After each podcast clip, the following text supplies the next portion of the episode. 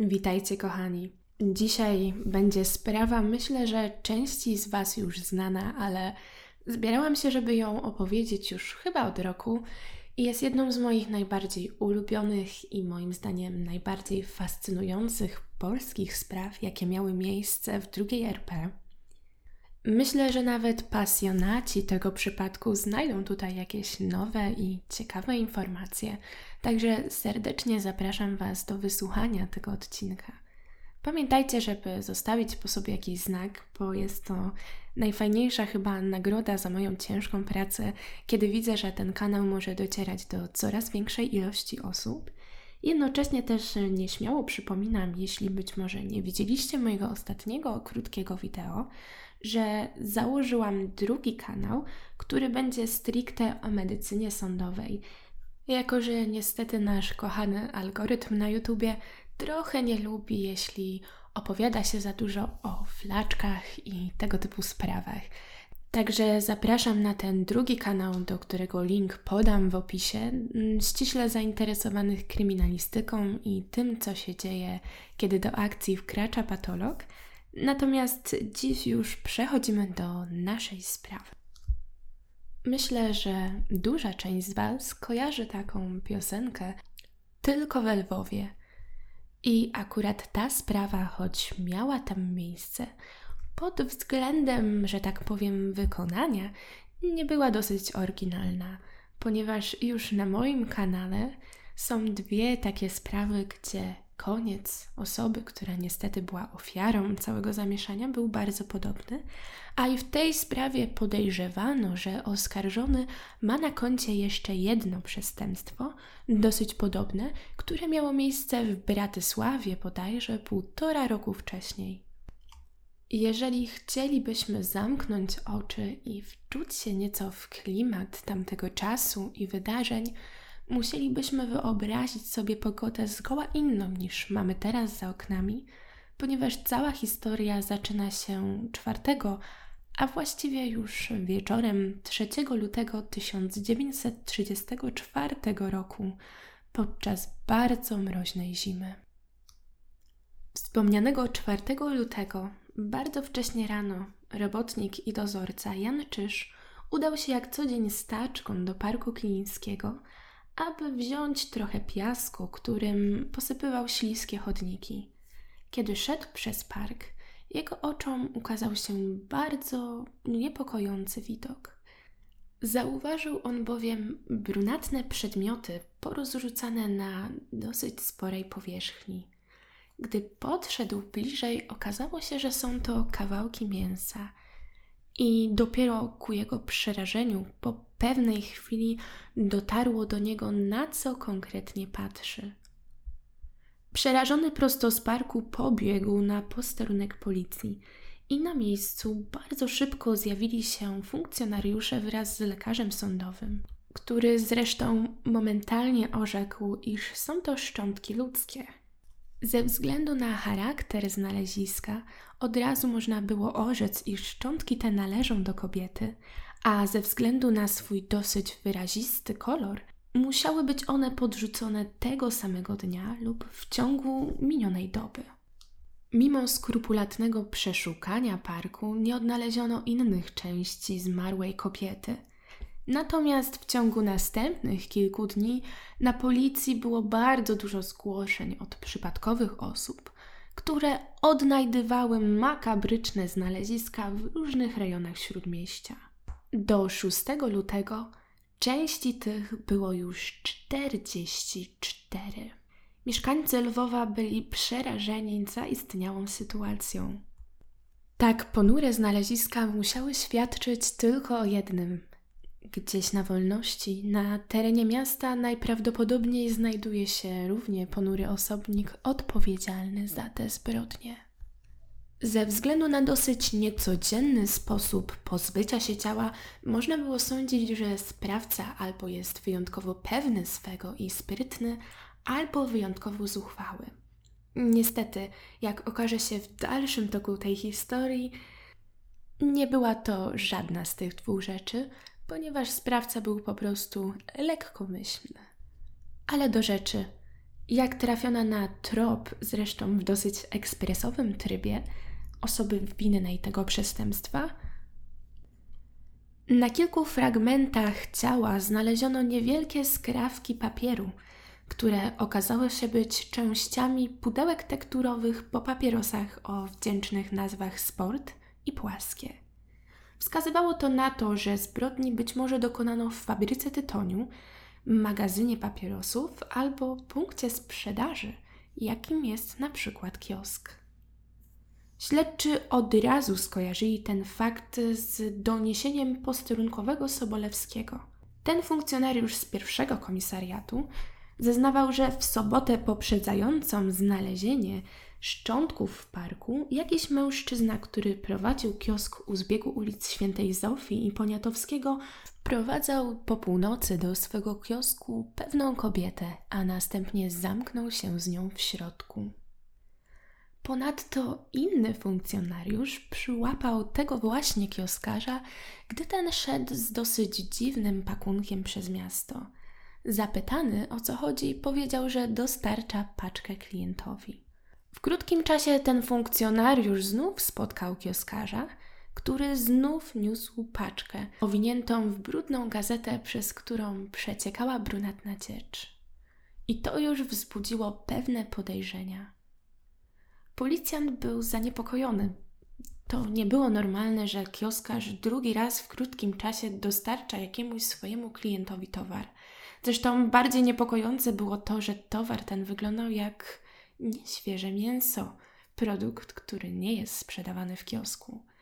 Zaniepokojony zgłosił więc to do swoich przełożonych, zupełnie nieświadomy, że już wcześniej pewne doniesienia na tego kioskarza zostały poczynione. I jakby tego było mało, na policję zgłosiła się pewna kobieta, która twierdziła, że jej znajomy, bezrobotny kamieniarz Michał Kołodziej, próbował jej odsprzedać damski płaszcz za 15 zł. Niestety płaszcz ten miał dosyć dużą czerwoną plamę na jednym z rękawów i kobieta sądziła, że mógł być on przedmiotem pochodzącym z przestępstwa. Po przesłuchaniu Michała Kołodzieja wszystko stało się jasne. To właśnie kioskarz Hieronim Cebulski poprosił go o spieniężenie tego płaszcza. Ponadto mężczyzna przyznał, że w ostatnich dniach pomagał kioskarzowi przy wyrzucaniu końskiego mięsa, które nie było już zdatne do spożycia.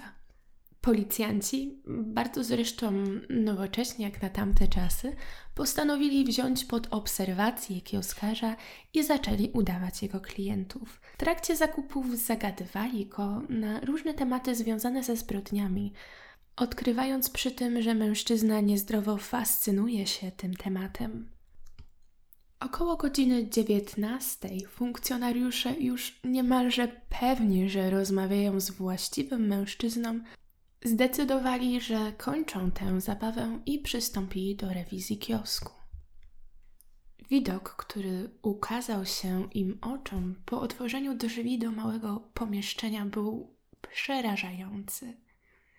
Generalnie cała przestrzeń, podłoga, meble, wszystko było pokryte resztkami i brudne. Resztkami kogo możecie się sami domyślić. Takich warunkach Hieronim nie tylko pracował, ale i mieszkał, ponieważ mężczyzna ten po rozwodzie z żoną przeprowadził się do kiosku. Na widok policji Hieronim Cybulski bardzo zbladł.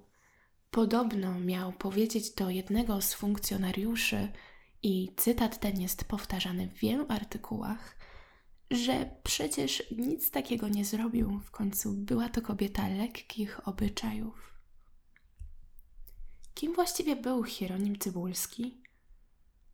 Zatrzymany miał 44 lata, a od wielu lat prowadził kiosk. Kiosk był w bardzo świetnej lokalizacji, to też przynosił mu rekordowe dochody. Jednak biznesu tego mężczyzna sam się nie dorobił – Otrzymał kiosk jako rekompensatę od państwa w związku z tym, że był 30% inwalidą wojennym. Jak już wspomniałam, z żoną nie układało mu się najlepiej, Podobno kobieta przepuszczała dochody z kiosku na wyścigi konne. Mieli razem syna. Według jednych źródeł miał on 19, a według innych 9 lat. Mimo tego lekkiego dysonansu, co do jednego źródła były zgodne. Po rozwodzie rodziców oboje przestali interesować się dzieckiem. Trafiło ono najprawdopodobniej na wychowanie do krewnych lub też do szkoły z internatem, która przestała być wkrótce opłacana przez oboje rodziców. Hieronim również wydawał całe zarobione pieniądze na dosyć wyskokowy tryb życia.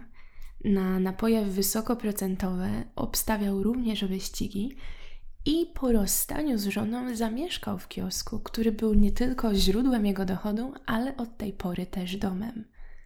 Ubierał się elegancko i nosił modnie przystrzyżony wąsik. Choć był już lekko łysiejący, czesał się precyzyjnie.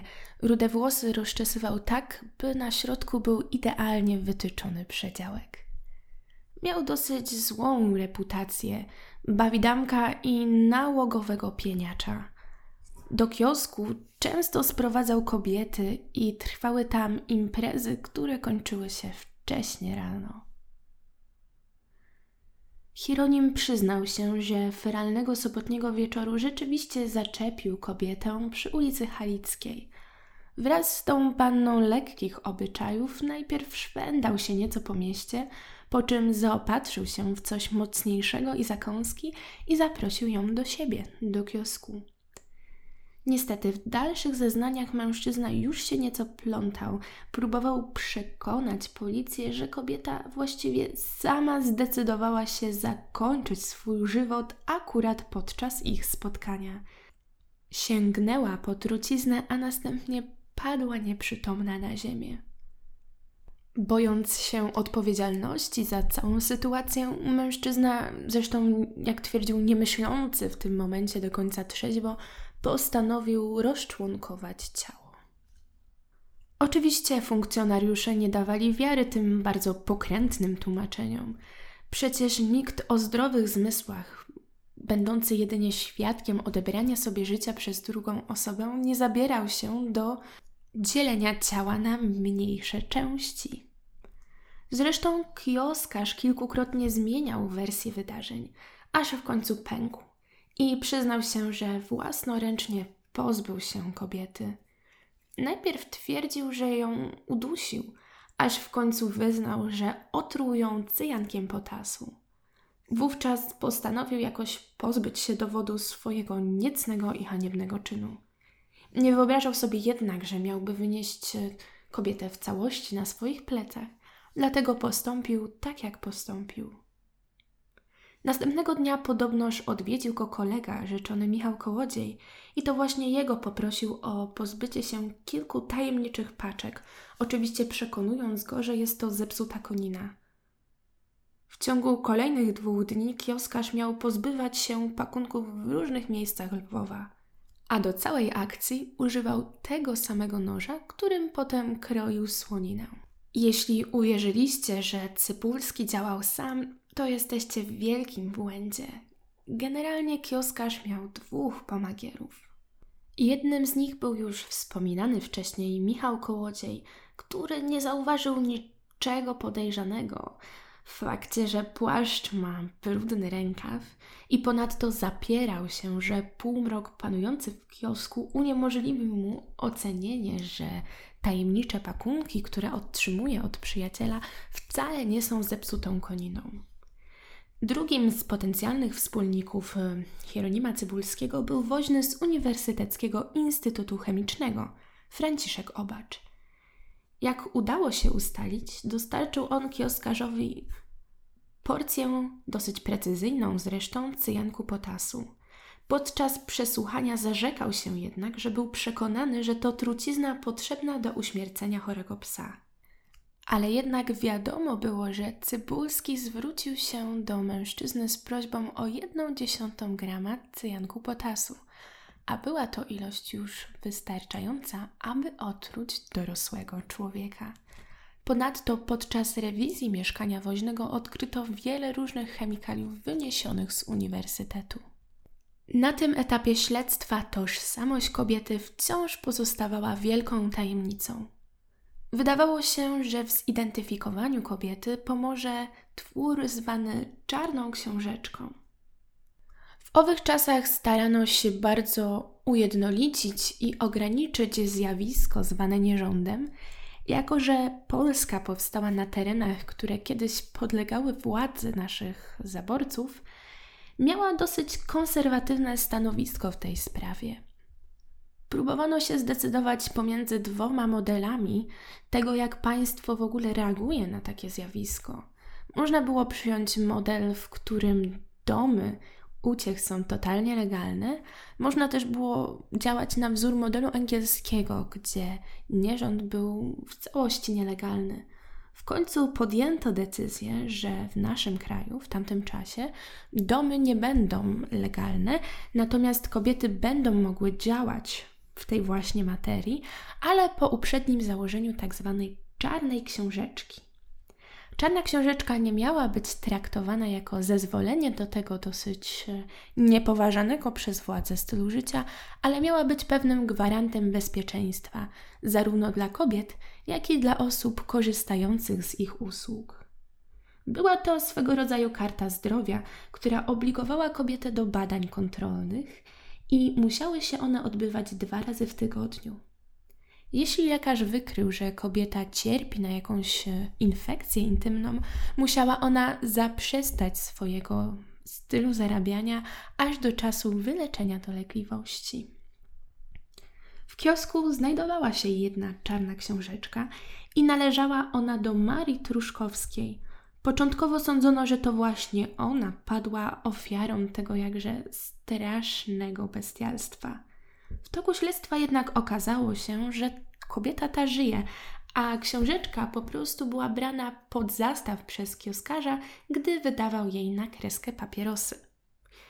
Pragnę tylko dodać, że bez tej książeczki teoretycznie nie wolno było uprawiać nierządu.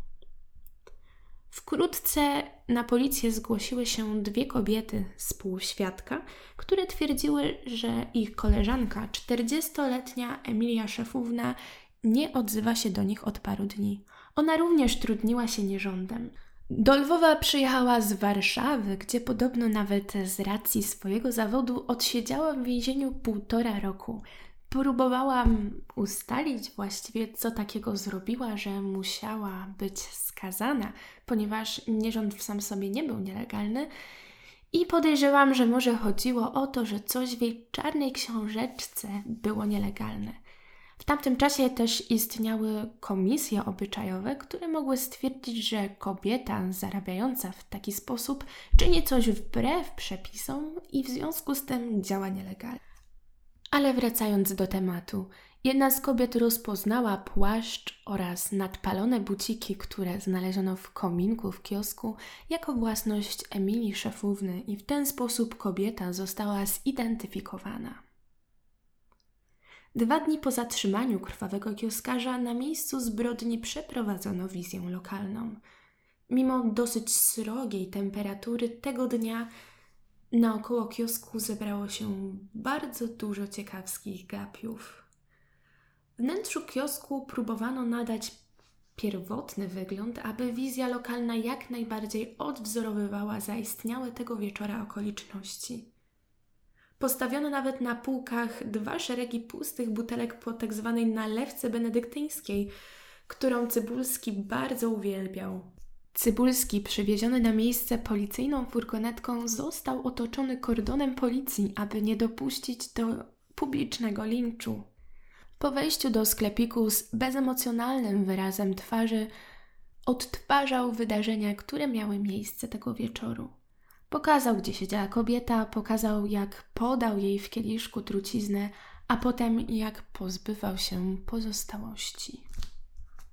Jednym z bardzo kluczowych elementów tej wizji była też ocena oświetlenia wewnątrz sklepu, aby zorientować się, czy kołodziej rzeczywiście nie mógł stwierdzić, że jego przyjaciel brał udział w zbrodni. I zgadnijcie, co się okazało. Podczas wizji lokalnej też odkryto nieopodal kiosku ostatnią część kobiety – Zbrodniarz oczywiście twierdził, że tak blisko swojego sklepiku nie pozbywał się dowodów i że część ta najprawdopodobniej przytargał bezpański pies. W toku postępowania na jaw wychodziły coraz to bardziej przerażające fakty. Podobno Cypulski znęcał się nad zwierzętami, a kiedyś, gdy auto potrąciło kobietę nieopodal jego kiosku, popędził on oglądać agonię umierającej dziewczyny i nie miało dla niego znaczenia to, że w tym samym czasie jego mały sklepik jest plądrowany. Podobno też kilka dni przed całą aferą Cybulski powiedział do jednego z klientów: Czekajcie, będziecie mieli za kilka dni wielką sensację. Hieronim po jakimś czasie, gdy został zatrzymany, zdał sobie nareszcie sprawę z powagi sytuacji, w jakiej się znalazł. I od razu wtedy zaczął się zasłaniać ograniczoną poczytalnością, którą podobno kiedyś stwierdził mu jeden z lekarzy psychiatrów. Cybulski zapierał się, że wpływ na taki stan miał incydent z czasów Wielkiej Wojny, kiedy podczas obrony Lwowa został dwukrotnie trafiony odłamkiem w głowę. Ponadto twierdził on, że choruje na nieleczony syfilis, który jest już w zaawansowanym trzecim stadium, a właśnie to w tym stadium choroba uszkadza ośrodkowy układ nerwowy i wpływa na zachowanie człowieka. Badania rentgenowskie nie wykazały jednak żadnych śladów ran w mózgu czy też w czaszce, ani żadnych odłamków metalu, czy też innych fizycznych odchyłów od normy. Natomiast po badaniu psychiatrycznym lekarze rzeczywiście stwierdzili częściowe osłabienie rozeznania przestępczości czynu, czyli tak zwaną ograniczoną poczytalność. Miały na to się złożyć choroba alkoholowa i rzeczywiście dosyć zaawansowany syfilis. Co jednak ważne z punktu widzenia ówczesnego ustawodawstwa, a to właśnie te dwa stany zwalniałyby oskarżonego zupełnie z postępowania sądowego na rzecz obowiązkowej zamkniętej hospitalizacji w szpitalu psychiatrycznym. Diagnoza, która została postawiona Cybulskiemu, mogła jedynie zostać potraktowana jako pewna okoliczność łagodząca przy wymierzaniu kary, ale przed karą uchronić go nie mogła. Zarzuty mówiły jasno o celowym i naumyślnym działaniu zarówno w odniesieniu do zabójstwa, jak i do ćwiartowania zwłok. Biegli lekarze medycyny sądowej po skompletowaniu wielu części kobiety potwierdzili, że należą one do jednej osoby płci żeńskiej. Nie mogli oni jednak e, określić przyczyny jej śmierci jednoznacznie. W żołądku jednak zdawało się wyczuwać zapach gorzkich migdałów, a biegły sądowy chemik potwierdził, że w kiosku znaleziono cyjanek potasu. Po połączeniu tych dwóch faktów stwierdzono, że kobieta musiała jednak zostać otruta i przyjęto właśnie tę wersję. Co bardzo ciekawe w tej sprawie, prokurator zdecydował, że postępowanie ma się toczyć w trybie doraźnym, czyli z wykorzystaniem uproszczonej procedury i w dosyć przyspieszonym tempie. I choć prace przed sądem miały odbywać się za zamkniętymi drzwiami, to i tak proces przyciągnął tłum mieszkańców, który gromadził się przed gmachem sądu. Wprowadzony na salę rozpraw w asyście policji Cybulski podczas odczytywania aktu oskarżenia miał bezemocjonalny wyraz twarzy. Prokurator domagał się dla Cybulskiego najsurowszej kary, czyli szubienicy. Obrońcy mężczyzny właściwie nie mieli łatwego zadania, biorąc pod uwagę fakt, że ich klient właściwie przyznał się do większości zarzucanych czynów, a podczas procesu musieli chwytać się najróżniejszych faktów. Jednym z nich była właśnie ograniczona poczytalność. W normalnych okolicznościach za taki czyn groziła tylko i wyłącznie kara śmierci. Jednak częściowe osłabienie rozeznania przestępczości czynu dawało nadzieję na łagodniejszy wymiar kary. Obrońcy zasłaniali się niewiedzą Hieronima Cybulskiego na temat działania trucizny i twierdzili, że zastosował on ten specyfik na kobiecie po prostu z czystej ciekawości nie zdając sobie sprawy, iż w ten sposób odbierze jej życie. Jednak w opozycji do tego toku rozumowania stały zeznania woźnego z Wydziału Chemii, który został poproszony o dosyć konkretną dawkę cyjanku potasu przez kioskarza.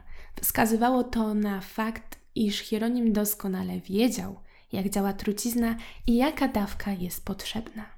Adwokaci też starali się zabrać za tę sprawę od strony czysto formalnej i twierdzili, że proces ten nie powinien toczyć się w trybie doraźnym, ponieważ nie spełnia warunków do odbywania się właśnie w takim trybie. Ich wniosek jednak został odrzucony. A podczas tego odbywającego się w dosyć ekspresowym tempie procesu można było wysłuchać zeznań wielu osób związanych z Hieronimem. Pojawiła się m.in. jego była żona, Próbowała nawet do niego przemówić z za barierki, zeznając przed sądem, jednak Hieronim twierdził, że nie ma jej już nic do powiedzenia. Wtedy też było widać po nim pierwszy raz, że jest przerażony i zażenowany całą sytuacją. Jedyną osobą z otoczenia Hieronima, która stanęła po jego stronie, był jego brat, Antoni Cybulski – Zorganizował on nawet dla Hieronima elegancki strój do sądu, tak aby brat prezentował się godnie podczas swojej rozprawy. Przeczytam Wam teraz fragment gazety Republika. Lwów, 27 lutego.